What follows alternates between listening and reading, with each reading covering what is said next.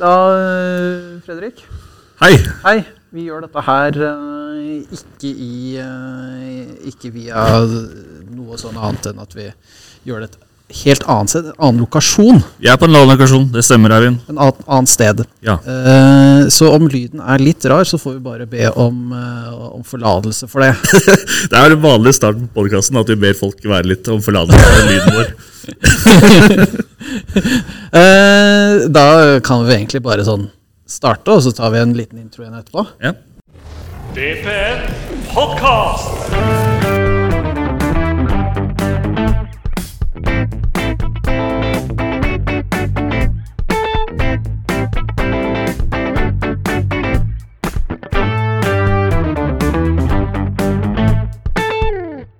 Og da er vi på.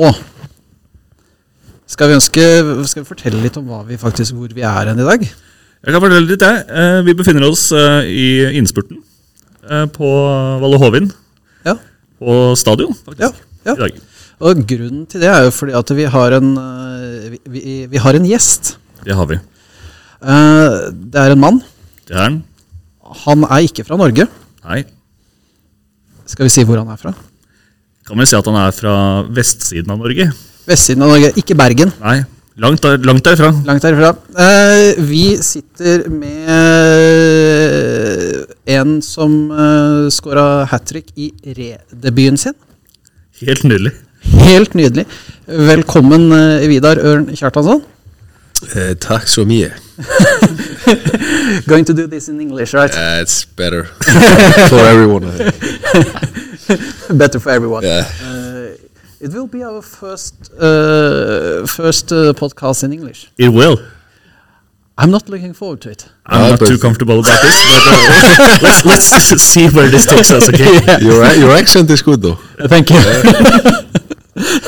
um, British. yeah.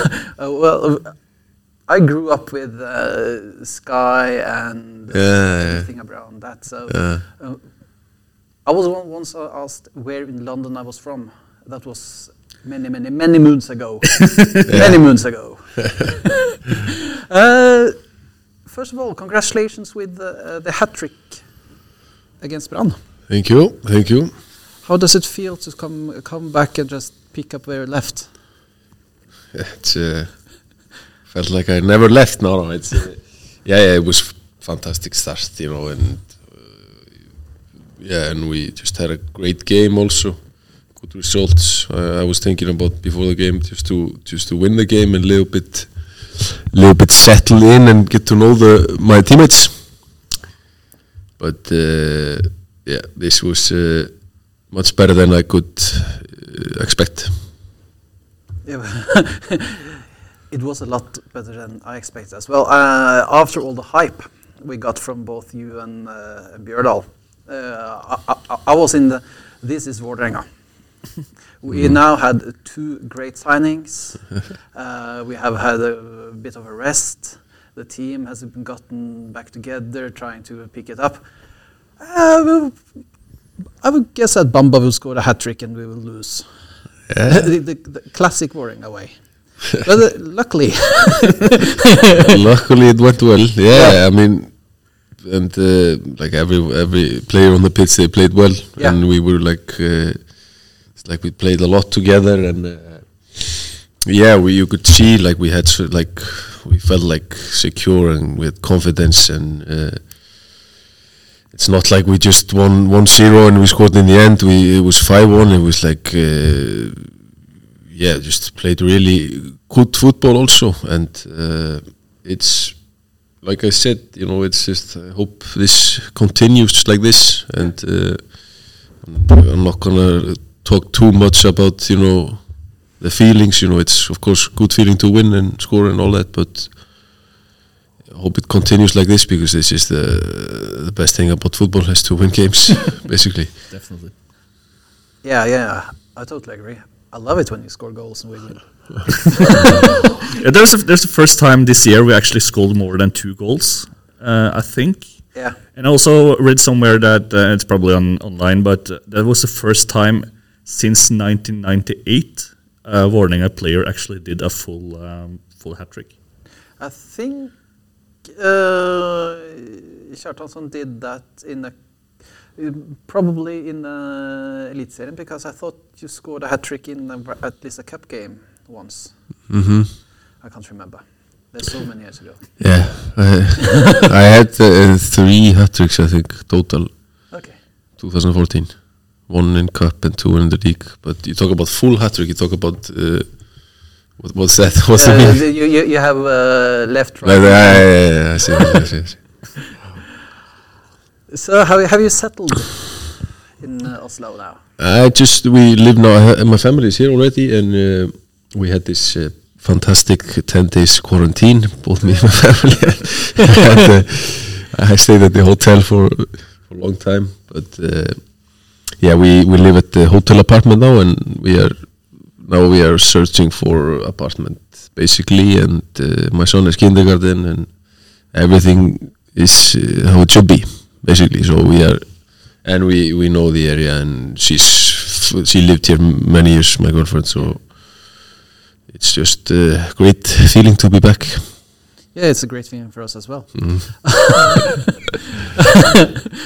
we, we had this hope when uh, ev- every time we heard about uh, that you might uh, might change clubs, we had this hope that oh, perhaps perhaps we will come back. Uh, of course, we knew that uh, the fee would be too much for us, so it was. It's, it's a bit of unreal that you're actually sitting here now, and uh, so I had to pinch my arm a few times. I think what I've been trying to say is that it's good to see you again. Yeah.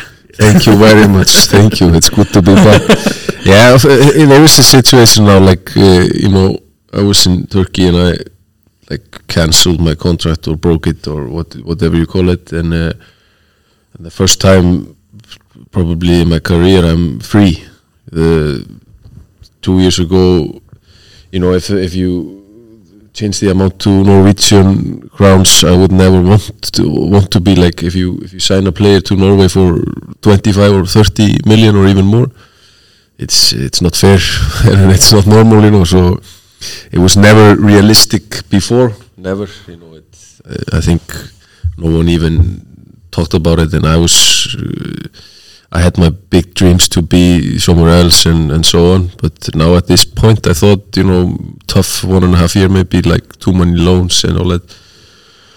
And now I'm free. I think it's a great time to come back. And, uh, you know, uh, before I said I would come back, but I would, then I was thinking about 33, 34, you know, come back, take one season, go back to Iceland or something in a perfect world, you know, but I think it's even better to be you know in a, in a good age and uh, still hungry and and motivated and uh, and so on. So yeah, I think it was uh, it was not an, not an easy decision, but afterwards it's I think it was fantastic decision and the right one to be back here and uh, just looking forward to try to bring the club on a higher level. Try.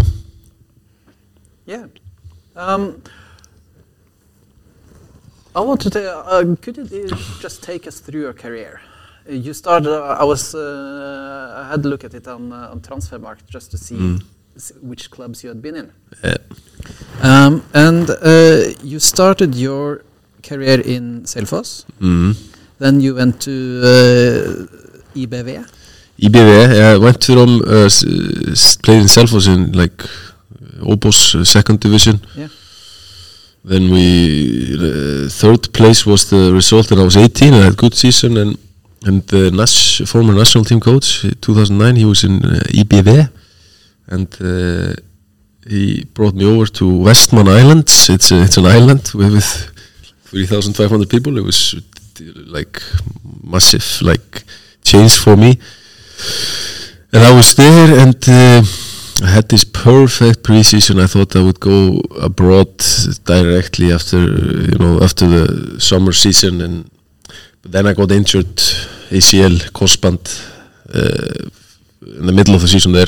And I was injured for like 10 months or so. And then I came went back to my hometown to the hometown club Selfoss. They played in top division uh, 2010 and I was there until 2012 and it was just yeah, twice we were in top flight, uh, got relegated both times, and uh, in between 2011 we were in second division. So there, yeah, it's not the highlight of my career, but uh, yeah, I did, I did okay things there. But I think you know, uh, I just it took me a lot of time to mature as a player. You know, it, you have to do certain things to be at at your best, and it took me some time to to like you know the player I was there compared to now or after it's. Uh, yeah, totally different player. I was a dribbler. Maybe no one believes that, but it was like that. And uh, I had to change a little bit everything, how you do things. You used a lot of touches, and you didn't maybe work as hard uh, outside of training and and so on. And then 23 year old, I go to Fylkir, and that was my breakthrough season, I think, in Iceland. Uh, I read somewhere that you had uh, trials at both uh, Celtic Mm-hmm. and at Brann. I I never went to Brann, but uh, the, there was the I think uh, uh, if I remember correctly, uh, I was supposed to go to Brann on trial, and then I think they said, uh, I think they said like something about uh, it was some there were some strikers there. We don't want to like challenge them to bring another one in on trial or something. I Yeah. if I'm right, I don't know if I'm right, but at least they said uh, no, we wait, wait a bit or something. Then Vålerenga came in the picture directly. Three goals against Havusäter. Yeah, magnificent game. I, I, I remember that we. Uh, I read about this striker. Uh, we had this Icelandic striker. We had a trial, and I was just oh, another one. Another one, yeah. Yeah. it was like this, you know. It's it's a little bit stressful to come here. I mean, I think though, like when I went to Celtic on, on trial, it was just like, hey, just come there. You know, they, they were never really thinking about uh, signing me or uh, like something like that. But I think in Vålerenga they had like they knew a little bit from uh, like how I was as a player and so on. But still, you have to come to to train with the team, and it's really weird. Like you have seven, ten days or something, and uh, you have to prove yourself. And this time, let's say you have off day or something, it's not in the picture. You have to just, hey, this is my my moment, you know. And now, now it's different. They sign players from Iceland if they play well in Iceland. Back then, it was like this: you had to go to trial, and uh, the trial went so good in Vålerenga that uh, I said no to a couple of trials after, and uh, yeah, in Holland and other countries, you know, and uh, in more in Norway also and Sweden, and so I, I was that's you know, and also I, I had like some o- like offers from like like small clubs in Scandinavia, but I was. Uh, I said, you know, like I just want to be in in Vålerenga. Not like uh, I thought. I thought it went that well that uh, we would find a solution, and they they, they had some problems, uh, financial problems, and they said told me to wait, and I just waited. So, and of course, you know, it's like uh, off season in Iceland back then. You have to stay fit, and then you go to another trial. This didn't want that. I just wanted. I was maybe I, it was a risk, but I was so sure that uh, I, I go, would be signed from Vålerenga. And uh, the rest of the story is Yeah, yeah, rest is history, you know. yeah. and, uh, I would say you did really well. really. yeah, it took time. I mean, uh, the good thing for me, like the good thing about it, uh, with uh, when I came to Vålerenga, I came January and the season started like the end of March or something. I had a lot of time to adapt, and I had the pre-season with uh, Shetil, and it was not not an easy one. we, we had to we had to run a lot and, and so on, and. Yeah, it took me some time at the beginning. Like I, I was uh, because I came in December and there was some heat wave. It was like 10 degrees normal, you know. Then I came in January. It was snowing, and I was thinking, where where am I? And uh, and then after like this tough preseason, you it, it did like it was good for you in the season. You felt like uh, you've been working really hard, and then your fitness level was uh, good, then uh, I had great start in the s- season and so on. Does Kjetil Rekdal run a bit of a classic English, uh, English German uh, preseason with a lot of running, just pushing you? He was pushing players, you know. I, th- I think we had one time a week. We had this. Uh, I'm not sure if it does it now, uh, but one time a week we had this like training with just running. Just put on your running shoes. I think it's good because for me it it fits perfectly. I, ha- I have to do it like like uh, you know. If I if I start relaxing training like you know easy, I suddenly like uh, I don't feel feel power like I feel powerless basically. So for me it was good, but maybe the older players they were not that happy. But uh, we did a lot of football also, and Yeah. uh, the training is trainings in the summer we didn't run, so it's uh, you know it's uh, that long. The, the preseason is like three months, so you have to use the time. How was it going from uh, Iceland and Icelandic football to Norway Norwegian football? Um, you have a lot less time on the ball, better players. Um, it's more physical game here, it's more tempo. So it's uh, you know the Icelandic people they, they might think they are getting closer, but it's nowhere near. To be honest, like the good clubs in Iceland, they, I mean they uh, they could play against the bottom teams here and you you never know what happens you know but uh, here you have like professional players they are doing like they're working every day like but maybe in Iceland you're like se- semi-professional. They they also have a they have a job and and it's a big difference there. And the facilities here and they are better than in Iceland. But you know like I said like Icelandic football is for sure getting better but uh, it's big difference between those. After one season, you went from uh, from Oslo to Nanjing in China. Yes. yes, I did. First of all, uh, why? Why? You know, And, it's and, and second of all, how was the uh, cultural shift between uh, playing in Scandinavia and Norway and Oslo, and then going through to the other part of the uh, other side of the earth yeah. With a totally different uh, culture? Let's start with 12-hour flight from uh, Frankfurt directly Yeah. and uh, direct and uh, now big big difference, man. It's uh, uh, you thought maybe before you could like go to taxi and un- they maybe understand a little bit English and so on, but no one speaks English there. For example, that's difficult. You didn't see that coming, and uh, the city is like it was pop like population eight million, so it's massive. It's like bigger than London, you know, and uh, it's like huge area and. Uh, you come there, uh, one of like maybe three, four foreigners, and, uh, and the pressure, the pressure is on you basically.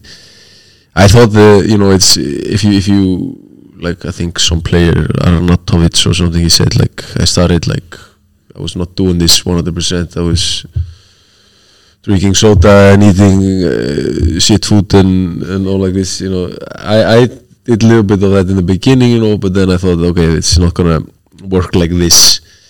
Uh, yeah, uh, of course, if we start with the cultural difference, it's it's a massive difference. You know, they how they do things, you know, and uh, they like to stay at hotels for a long time before away games, after away games, and before home games you go to hotel, and after the game you go to hotel and sleep, you know.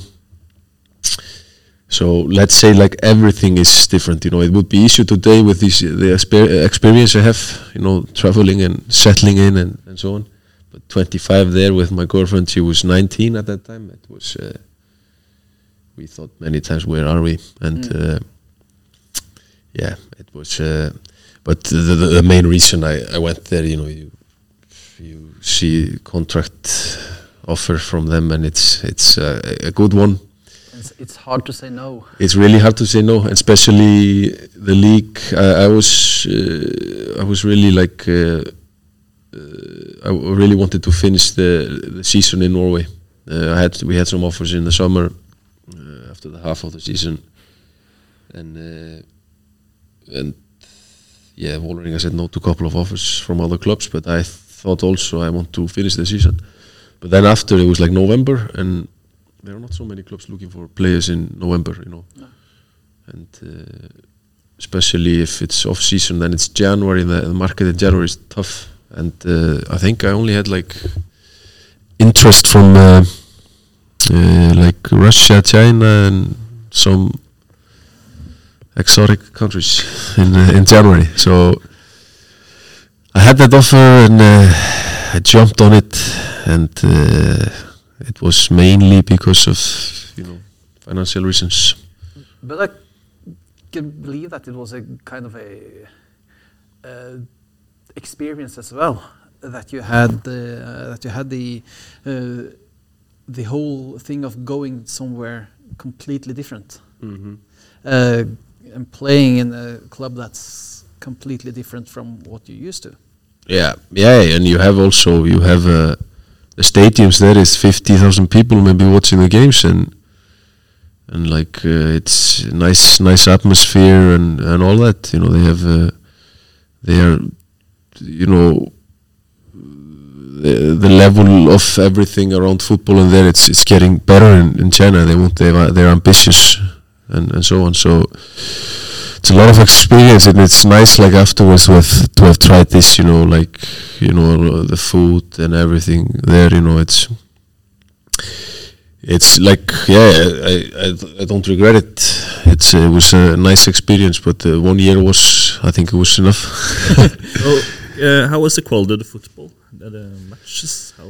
It's totally different football, man. I, I, um, I remember we, uh, the Vålerenga, we played the friendly game against Japanese team. They crushed us, you know, because they play so much different football. They like they really like quick on their feet, and uh, and that's like similar similar in China. Then you have like three, four foreigners, and they are like usually big names. And uh, yeah, it's like tactical. It's it's uh, it's a little bit it's a l- less. You know, the level is not as as good as here. Like tactical, so it's difficult to. It's really different, basically, the the level there. Um, I'm just going to pick up my notes. Uh, s- let's stay in China for a bit. Yeah. Um, in these COVID times, uh, if we suddenly had this uh, apocalypse raining down on us and we had to uh, ev- everything just shut down, which three stores would you rob first? What would you pick? in, in China, No, no, here, no, here, here, just in particular. What, what would you, what kind of, uh, what kind of goods do you think you would? Uh, if, okay. I guess I guess I would need to put If, if, if, if, if, if you try not to look at the practical uh, Okay. side with uh, going on and uh, what you, what kind of uh, goods would you not be able to live without? live without. Okay, f- food is included, or Yeah, food is included. okay. I would uh, go to some supermarket, take some food, a lot of food and drinks. Then I would go to uh, Rolex store. go there to you know pick the best ones and uh,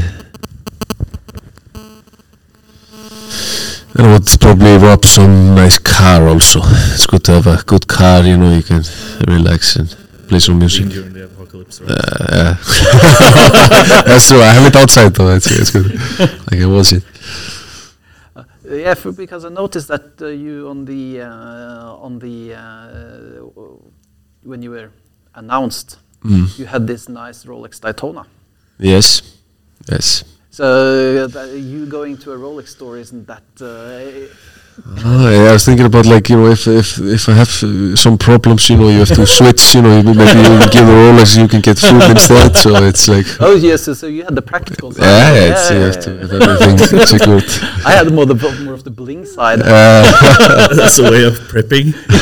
Just buy a bunch of Rolexes and sell them.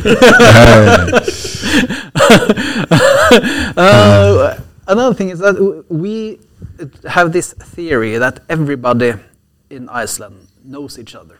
hmm Uh, so, uh, uh, did you know uh, Matti from before? Yeah, yeah, I knew, I knew Matti. We we had been together in some January. Uh, yeah, where mainly players from Scandinavia play, and I, I think I was in China.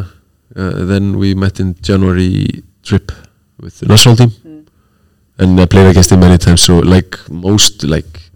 If you if you haven't uh, spoken to the person before, and if it's Icelandic, you you talk together for five minutes and you know each other in and out. So Uh, an- another uh, another Icelandic uh, person that we uh, wondered if you knew was the uh, giant from the from Game of Thrones, uh, which is called and Hafþór, yeah, yeah, uh, Hafthor. Uh, Björnsson. Yeah, you know him. Yeah, actually, I, I would I would say hello to him on the street. Uh, he was in my school, like we were in the same school. and then, then he was like tall basketball player. A tall basketball player. Yeah, he was basketball player like when he was like 18, 19, I think. We were so. I don't know him uh, like you know well, you know, but uh, I would probably say hello to him on the street. but uh, he was, yeah, he was, uh, he was in the academy, basketball academy. But yeah, I saw he was he was strong. He doesn't have a basketball body anymore. now he's going to be a boxer now. I think he's uh, they're boxing him and the the other other uh, yeah. I think he challenged him Eddie Hall, the, the other strong man. Um, after China, you went back to Scandinavia Yeah. and you went to Malmö. hmm How was it coming back to some familiar culture and familiar football again? I mean, uh, if you go to China, I didn't know it back then. You they forget you a little bit, but uh, they still remember you. Were I had good season in China, like in a way. In a way, we won the cup. I scored. I was top scorer in the team, and but like middle of the table, you know, it's not perfect, but it's okay. And uh, good shit, like we say. And uh, then I had like couple of like loan offers, Turkey and Holland and and so on. But uh, it was just until the end of the season, so I thought maybe it's better to settle in three-year contract, and you don't have to you don't have a rush to play good in three months, and and then you will see. So it's it was good to go to Malmö the year before they were in Champions League, so it's a it's a big club and. Uh, and uh, yeah, I thought it was the best step because I wanted, you know, what I was thinking back then was to play well there and, and probably go further. And uh, after a rough start, five six games, didn't do anything, and after that, uh, I had great great time there and a good season, uh, half a season. And then you went to uh, Israel. Yeah, How Yeah. was Israel? perfect. no, it's uh, it's funny. It's a funny story. I mean, it's uh, uh, yeah. I had this. I think I scored 14, 15 games in a row in Malmö when I was uh, when I started, scored the first one. And like I had massive confidence. We won. We were like on top of the league, so I had like it was like great situation I was in there. You know, and we already had ten games left of the season. I had some offers from Germany and somewhere else, but uh, I think Malmö they just said no, wanted more. Then they withdrew the offer, and but uh, Maccabi Tel Aviv they they were like for two months always knocking on our doors and and asking, and uh, they wanted to come, and they were ready. They were they had like they had this uh, they have rich owner, and they were ready to to meet uh, what uh, Malmö wanted for like transfer fee. And uh, then there was suddenly three days left of the window, transfer window, and uh, I saw that they had like last fourth round of uh, Europa League qualification, and uh, they were heading to penalties, and I turned on the computer and watched the, the penalty shootout, and I was thinking, okay, if they win and go to Europa League, I will go to Israel and they won.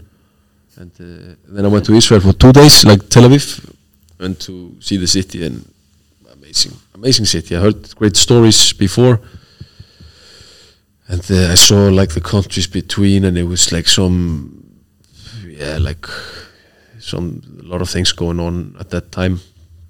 And uh, if you see it on the map, it's like really far away. But after a quick look in the, I looked at the city. It was everything was, was great, and they were. If you see a club are willing to spend so much just to sign you, it's uh, it gives you like you know motivation and confidence and and uh, yeah. So we agreed on the deal. How is it being uh, kind of like uh, trying to be trying to be like not not tapped up, but trying to uh, feel, uh, have the other club trying re really hard to see that we want you. We want. How how does that feel? It's it's a good feeling, and and uh, sometimes there has been clubs maybe you're not that interested to go to, but uh, it's a, it's a good feeling. Then it says you're doing something right, and uh, and uh, yeah, I think I was uh, I'm still the most expensive player signed to Israel, and uh, it was a good feeling. But after I came there, the pressure was on. the pressure was on because I, I didn't expect when you go to a new country like this and you like barely know the league, you know a couple of teams, maybe maximum there, you haven't seen anything, and uh, then you think, okay, if you like, maybe it's gonna be easy, but it was far from that, you know, and uh, it was more. It's for sure good feeling if clubs want you, but then you have to shape up on day one. You know, just you're there. You know, next game, you, you, the pressure, the eyes will be on you. And uh, I had like good start, first five six games, but after that, like seven eight games, I was I was not that good, and uh, it was already in the media in January that uh, they will sell me for half of the price or something. And then I was like, no, no, no, it's not to happen. And uh, then I stepped up, and uh, after that, it, everything went like it's supposed to go. So. Yeah, but the pressure was amazing. There, there you feel like a movie star because everyone in the country they know you. It's like it's crazy, you know. So first time I've seen that everyone watches football, everyone is following the news, so everyone knows everything there. So was in a way it was good. What about you? Do you watch a lot of football? Yeah, a lot, a lot. yeah, I, lo- I like. I watch like almost every game I can watch in uh, Icelandic league. You know, I watch uh, Premier League. I try to watch every game. You know, now I'm starting to watch, look at the games in Elite Serien, Yeah. and um, yeah, when I have a chance and time to watch games, I, I do it. Do you play uh, a lot of uh, football on, uh, on on TV, like FIFA or Football Manager? Or I used to play FIFA, you know, and I tried when I was like in countries far away, China, Israel, tried to play a little bit FIFA, but not so much now. Like, it's, uh, you know, now I have kid, you know, and he takes fu- my full attention every day, so it's it's less now. It, it was more fun when you were a little bit younger, to be honest. But it's always nice to sit down to play with your friends, for sure. But if you're alone, like, give me two games and I'm, I'm doing something else, you know. so, so the do you have a fa- favorite team outside uh, outside Norway, which is of course Vålerenga, but Yeah. another favorite team? Yeah, I have, but I, I forgot. I play Football Manager a lot. I, I played it a lot. Now I was in Turkey, Oh, yeah. stuck at the hotel room. I couldn't go out, so I played Football Manager a lot. So it's, uh, I'm, a, I'm a great manager, I think. You're a great manager. Yeah, I think so. I won. Uh, I won the Champions League with San Marino. Okay, Yeah, Champions League, Champions League. We played. Uh, San Marino. So they are, have a the- team also in. No, no, yeah, the San Marino Calcio, which plays Uh, in Serie- Serie, which is in Serie D. Ah, okay, okay. So I'm not. So uh, uh, I won the Champions League with them uh, against some against Juventus, Oh, okay, and we had the final at Lerkendal. okay. nice. Everything can happen. Everything That was can in hap- the year 2050 Ah, or something. yeah, well, Yeah, yeah. it was far, far, far into the future. Uh, I actually won the uh, Europa League with uh, with Vålerenga once. Ah, okay. We uh, had the most. Uh, I, I think you had to be. I had to be uh, extremely interested in uh, in the Europa League to watch the final. It was between Vålerenga and Anderlecht. So Not bad, but my favorite team is uh, Arsenal. That's my favorite that's team, and well. uh, so I kind of like this. I went to my first game like five year old. Oh, I was actually visiting my my family, like cousins and uh, cousin and niece and whatever you call it, in Norway. And my father, he's like a massive Arsenal fan, and uh, he took me for a two day trip to to London to watch uh, Arsenal Man United at Highbury. We lost two one, and. Uh, Solskjaer and Andy Cole they scored I think and Bergkamp scored for Arsenal which of the uh, strikers at Arsenal do uh, would you like to uh, play with? play with Yeah. that's uh, uh, I think you know Thierry Henry is the best best striker who ever played the game at his best and uh, but to play with for me I think it's best like uh, he's, he's uh, you- talking about now or you talking about in general or Uh, talk, talk about in general. general I would say Dennis Bergkamp he can find you everywhere yeah, Yeah. it's uh, easy Yeah, I Easy agree. one. I would play with him as well. yeah Yeah, the thing is that if you if you can choose your dream team, you can put yourself on a team because it's going to be so good. It doesn't really matter. Yeah, I know. Just I know. You're left. I would probably be, I would probably do my best as manager though. Yeah, I'll probably do, do pretty bad at that as well. Um, after uh, Israel, you went to Russia. yeah How was Russia? Cold. Yeah, it was cold, but uh, in the summertime it's fine. I like summer. You talk about like beginning of the season and the end of the season. It's it can be okay, especially in like Rostov. But yeah, talk about the you have to make right decisions and all that. I was a little bit desperate to leave after two years there. Mm. I had many offers from great teams in Israel, but uh, then uh, we come to the same point. Uh, they wanted more than the team was ready to offer because you're playing maybe in Israel or when you play in Sweden and Norway, it's similar. And I had the offer from Russia, and they had three Icelandic players there from before, so we were four. And uh, yeah, I mean, usually when you're signed to a club, you they play you until you are there on the, on on the level, you know, and you have confidence. You start scoring, especially for strikers. But there, I was supposed to come on from the bench, like for many games in a row. And then suddenly, if you don't score or play really well, like I, I mean, it doesn't really matter for striker. They want to score, and uh, if you don't, don't do it first four or five games, then you feel it's like going down the whole time. And and uh, yeah, they, they just basically told me I didn't fit the system, and I, I really I, I agree. And uh, because they played like you know a little bit old school football, long balls and so on. So and it worked out well for them. But then I never un- will never understand why they sent me. but uh, but tha- that's that's that's football, you know. But I think it's uh, when I was playing for them, I started the cup games and I two games in the league, I think, or one or something. And then I was like changing the way I play. You know, I was only getting long balls. You know, I I can do it if you really want me to do it, but to get the best out of me, I'm in the box and I'm doing the work there. So then they, then yeah, January we had preseason again, like for the second part of the season. Uh, they told me I would play after uh, like the second half, but I had like fantastic preseason there, like scored every game and was playing well, but then still they said you don't fit to our system. I think, I mean, I, I agree, but I thought I was going to play. And, and then uh, they said you can go on loan if you want. And I had like offer from some countries there, Turkey mainly, but I couldn't sign. It was like I played Europa League qualification, one game or two games, and then I couldn't sign the third club in the same season, so I had to wait until like March to go on loan to Hammarby. How was it going back to Sweden?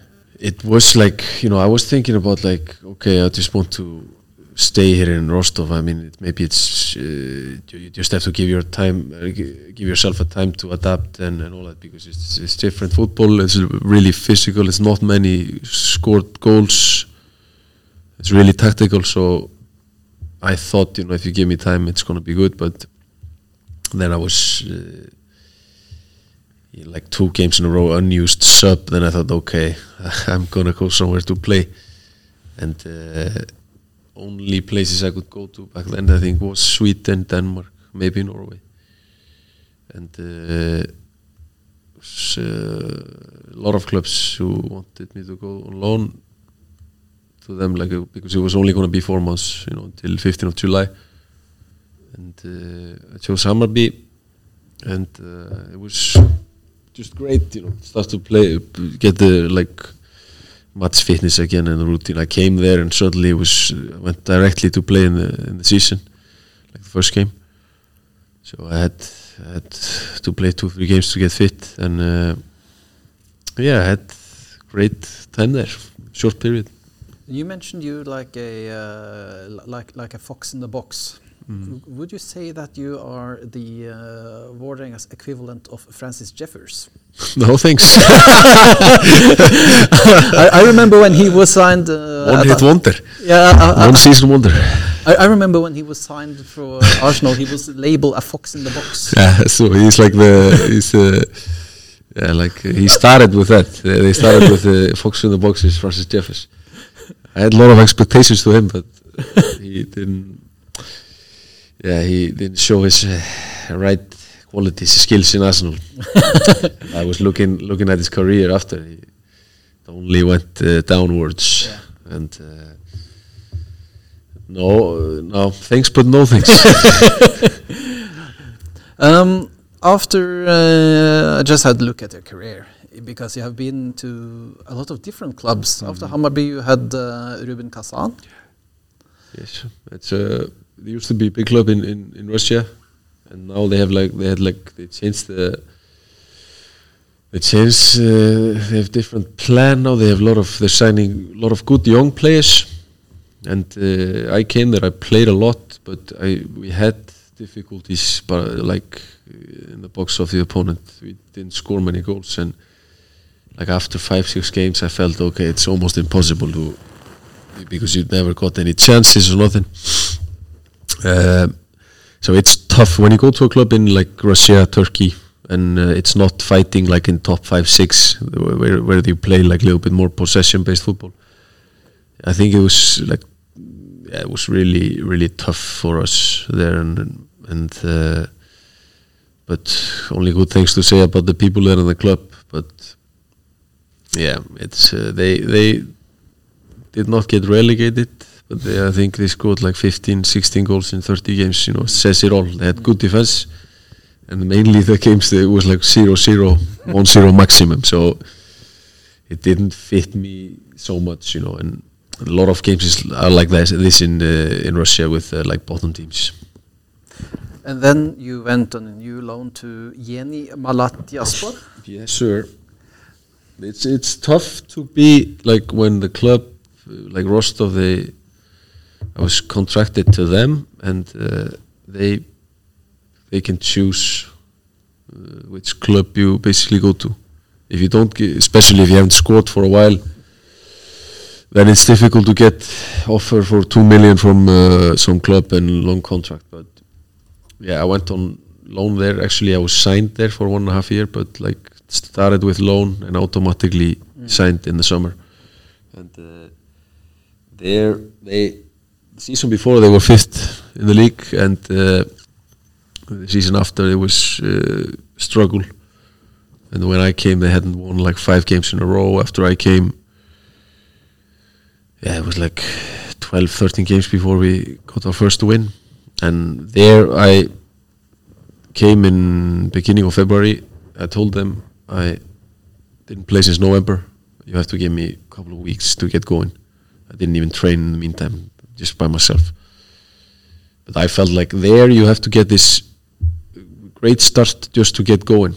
because I felt in two three games like uh, maybe you know it's uh, not as good as we thought, you know, and s- so on.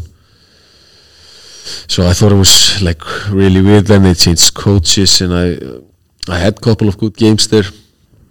And uh, they changed coaches, and uh, the coach who came, the manager who came, he uh, the striker who was there. He had him for like three years from before, and this guy was going to start the every game. It didn't matter what I do. Trainings. Uh, I scored the winning goal first win in twelve games. Pl- played good. Next game bench. Happened uh, one more time. Next game bench, and I felt okay. It's uh, what is this man? And uh, so I just thought in the summer I just okay, and we, everyone was struggling financially. We didn't win games. It was really tough, and uh, like I said, you know, I've I've felt okay there. You know, it's uh, it's nice people, you know, and uh, and all that. You know, the club is trying their best, but it didn't work out. Too many coaches, and uh, I thought. It's probably good to be in Turkey if, if everything is uh, stable and uh, the clubs it's it's winning games. It's all about the results there. But if it's uh, if it's going the opposite way, it's big problems you have. And uh, and what I needed, especially at that time, I should have, if I could, but it was difficult. I, I couldn't control it. It was Rostov mainly.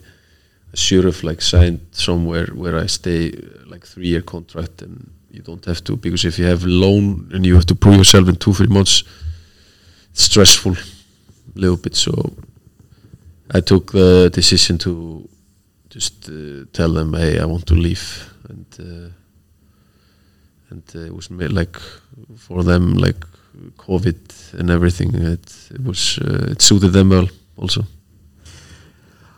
So you, you've, you've been a lot of places.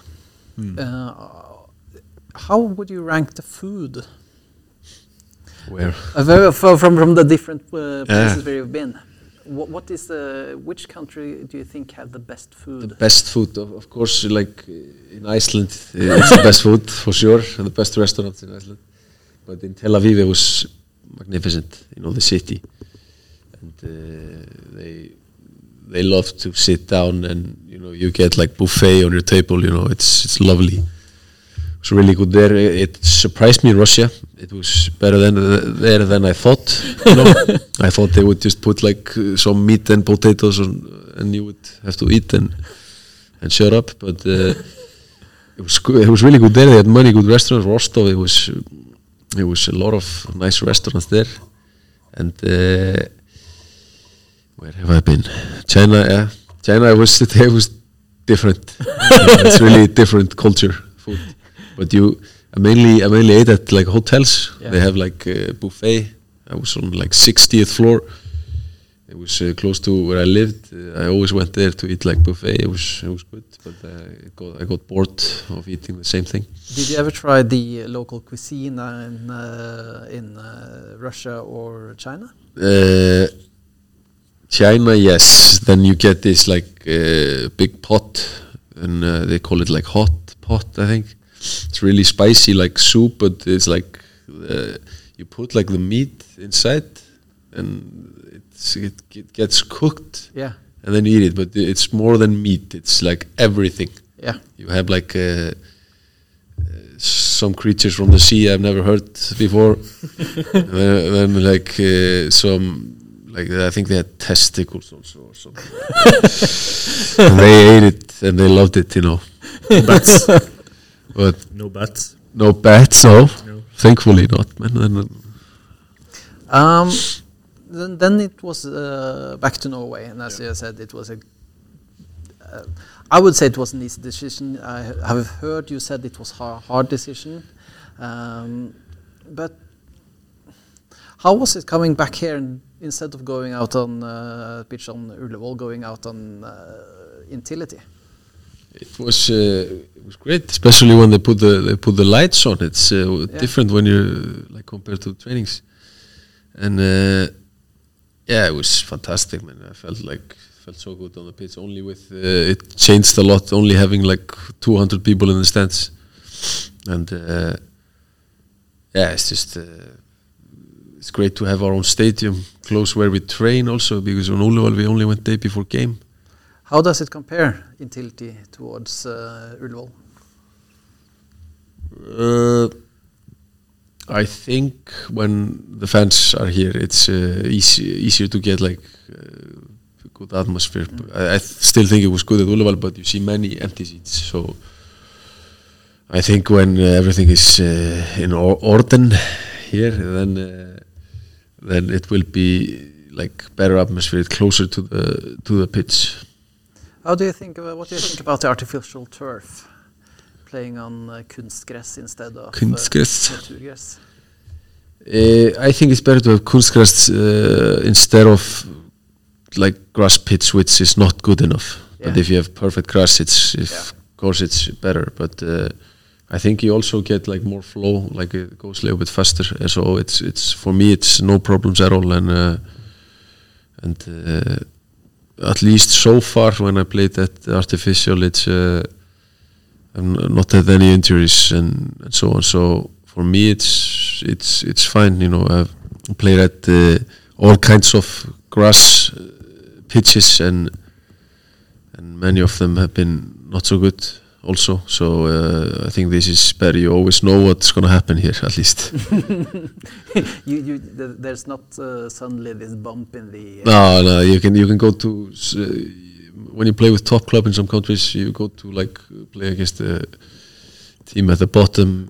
They don't put water on the pitch, for example, and uh, you have to adapt to weird situations. So, but most of the countries they have a great grass pitches also. So, but in Norway, I understand, and uh, Scandinavia because in the winter it's. I think this is much better. Last time you were here, uh, you had uh, Kjetil Rekdal as coach. Now you have Dag Eilef Fagemo. Yeah. How do they compare? compare. Uh, I haven't been here for so long, but you know, I think he, it's uh, both of them. They, I think they think a lot about football and outside, you know, of training sessions, and uh, and they want to play in a certain way. And uh, I think it's easy to understand what they want. Yeah. There are some coaches you, uh, it's difficult to really understand because. Uh, yeah, like some coaches say, do this on the pitch, and if you lose still 3-0, you did it bad. But coaches who really, they have uh, like uh, easy way to explain. You can lose, but they still say you did what I asked. You know, so so for the, for me in uh, in these first two three weeks, I think uh, I, you really know how Dagele wants to play, and it was same with uh, Setil. So. So that's uh, that's what I see. It's uh, to compare. Uh, it's I have to see a little bit more here, but uh, they're both really good. Um, if you, uh, if there was to be made a movie about you, about your adventures in the in the football world, What's the name of it? what's the name of it, and who would uh, play you?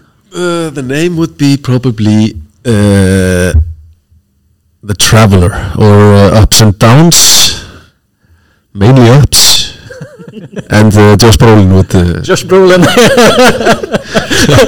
Yes. yes.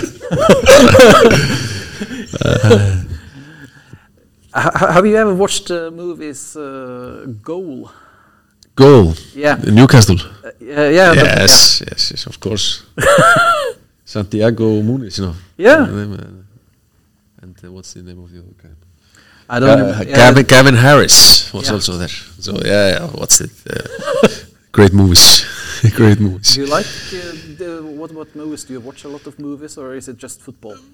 Uh, uh, I take these periods. I watch a lot of series. You know, I get really excited and I finish it in a in a s- like in a What's the best best series you watched? best series. Uh, Breaking Bad was really good. Uh, hvað heitir þetta?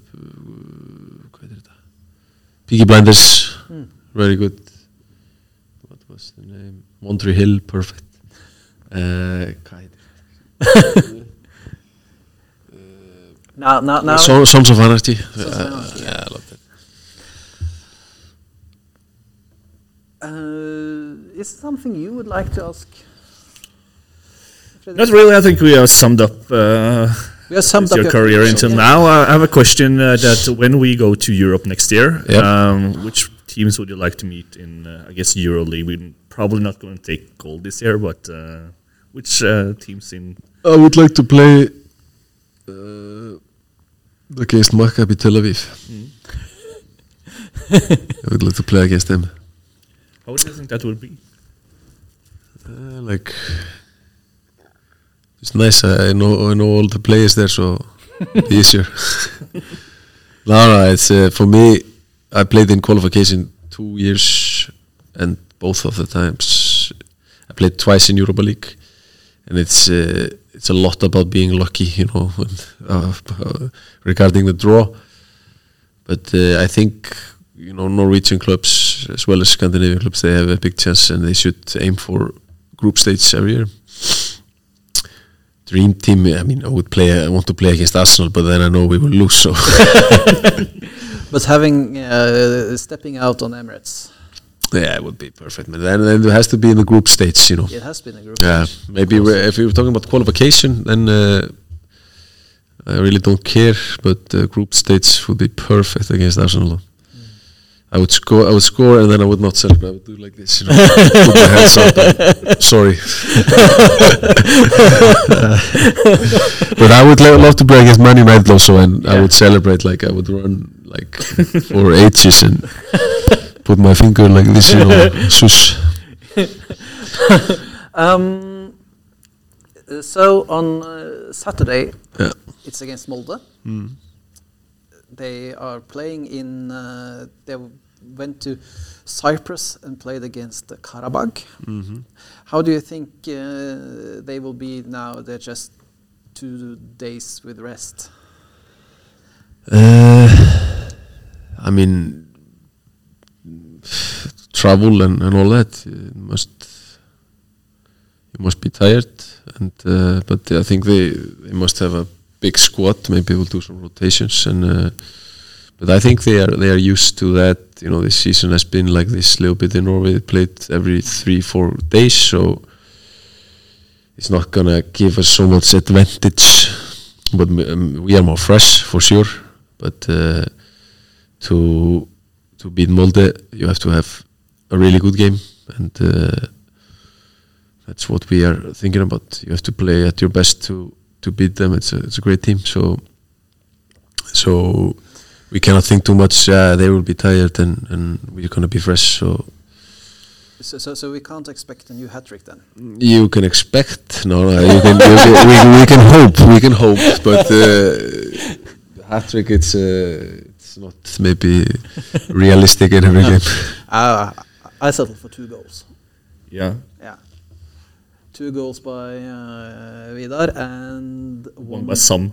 Yeah, I really want to see if you can help some to score. Please do it. I will pass him if I see him T- tell the, all all the other people to just to die when he's going to take a shot. move You move, move out. Uh, thank you. Thank you. for the chat. Uh, Thank you very much. It was a uh, it was a uh, hour of uh, your career. Uh, it was uh, really good to have you back. I think we needed that, not just having a guy that can score a goal, but also that a bit of a positive uh, fuel injection. Yeah, definitely. Yeah. Uh, someone that we know from before that we know is going to do a good job, and someone who can tell it. I've been here before. You're part of the culture, so yeah, it's Yeah. great. absolutely it's, it's good to be back and uh, let's just uh, yeah now we just have to go for it Yeah, go for the medal. yeah. Uh, just for you guys who are uh, curious about uh, safety precautions, uh, Fredrik and I, we are sitting with, uh, we, are, we are sitting a bit tight, but uh, we are at least a meter apart from Yeah, Vidar. yeah. So uh, we are trying At least two. at least two. Yeah. So the, the, the, the uh, safety precautions are taken care of. absolutely I can uh, confirm that Great. Thank you. thank you very much Thank you.